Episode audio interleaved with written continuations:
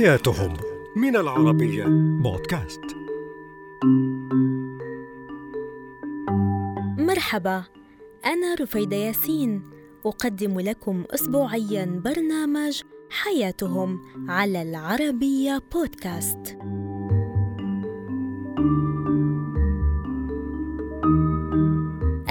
في حكاية جديدة سنتعرف سويا على العادات الغريبة لقبيلة أمبررو فما هي حكايتهم؟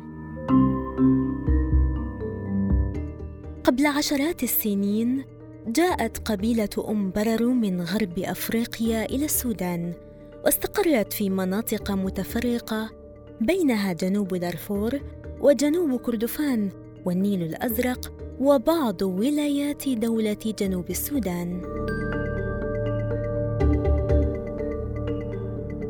يعود أصلهم إلى قبائل الفولان الرحل من نيجيريا ومالي والكاميرون، ويسمونهم بهنود حمر القارة السمراء. الأسطورة عندهم تقول إنهم أحفاد شخص خرج من البحر بصحبة أبقاره الكورية المميزة الأصيلة والتي يعرفها الجميع بقرونها. وقد علمهم وغرس فيهم حب الرعي خاصة الأبقار. أصل اسم قبيلة أمبررو نسبة إلى فرع من القبيلة اشتهرت بتربية نوع من الضأن يسمى بالأمبررو ومع مرور الزمن صار اسما للقبيلة. كما أنهم يتحدثون لغة قبيلتهم الأصل الفولاني بالإضافة إلى لهجات محلية مختلفة. اشتهرت قبيلة الامبررو بالرعي كما أنهم لا يفضلون بيع أبقارهم التي تسمى الكورية. وأبقارهم لا تشترى مذبوحة لأنهم يعتقدون أنها إذا اشتريت حية ستعود إلى صاحبها مرة أخرى. وهذا مرتبط بالسحر الذي يقوم بعض أفراد القبيلة بعمله عن طريق طقوس خاصة تستخدم فيها حشائش معينة تجعلها مرتبطة بصاحبها. كما أنهم يعلمونها الأصوات التي تجعلها تتعرف على المناطق الخطرة وتحكي أساطيرهم أنهم يتحدثون مع أبقارهم كما يتحدثون مع أنفسهم. العلاج عند الأمبرر يعتمد على الطب التقليدي. فالتداوي من أي مرض يكون بالأعشاب والكدور والسحر الذي يستخدمونه للخير فقط كما يقولون.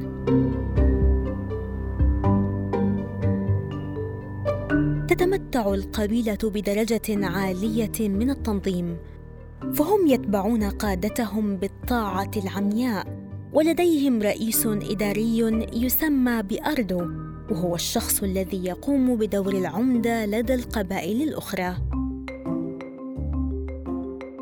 إدارياً يتبعه عدد من الرؤساء بالتدرج في المسميات والمهام. يسمى الفرد الواحد منهم بكشلة وهو مسؤول البادية الذي يحدد موعد الانطلاق والاستراحة وزمن المسير.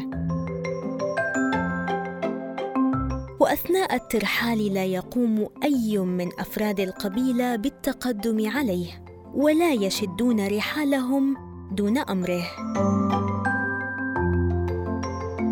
لدى قبيلة امبرر عاداتها وتقاليدها الخاصة. لهم اهتمام خاص بالسحر والشعوذة ما دفع البعض إلى تسميتهم بقبيلة المعتقدات ولهم تعاويذ خاصة بهم.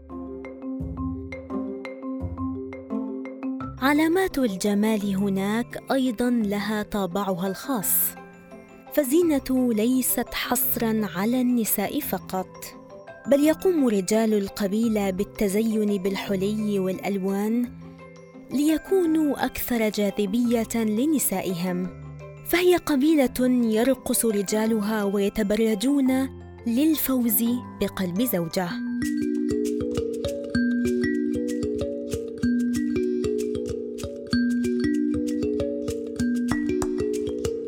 والأوشام من عاداتهم المتوارثة أبا عن جد.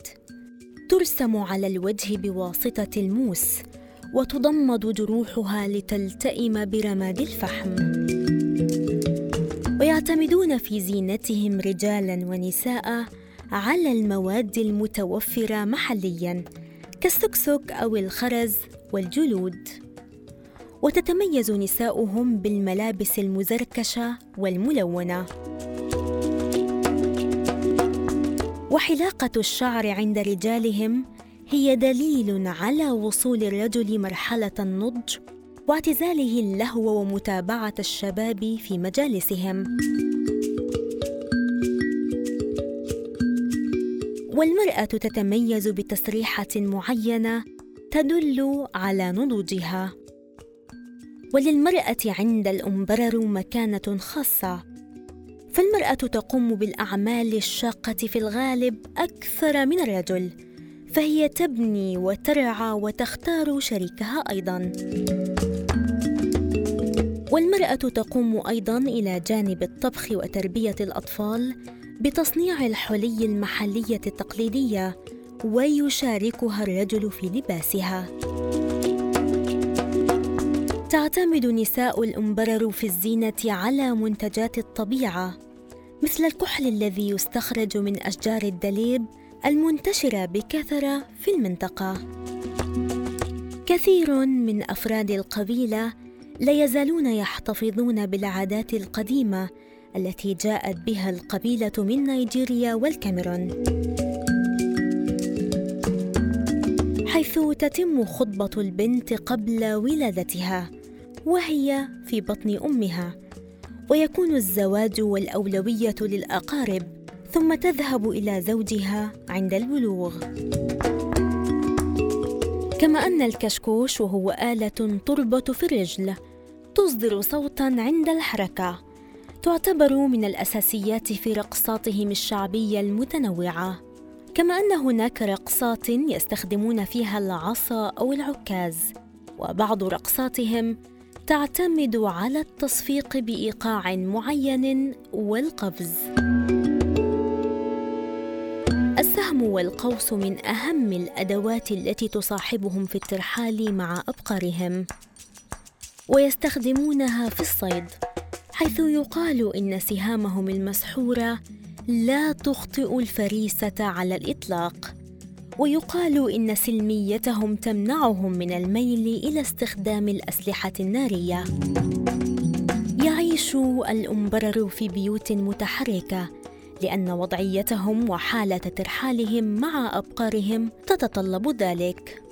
وهم لا يحبذون التداخل أو التزاوج بالقبائل الأخرى للحفاظ على إرثهم وتقاليدهم. تبقى حياة قبيلة الأمبرر غريبة وعجيبة للكثيرين بيد أنهم ظلوا متمسكين بعاداتهم في حلهم وترحالهم دون إزعاج من هم خارج عالمهم الخاص. فببساطة هذه هي حياتهم.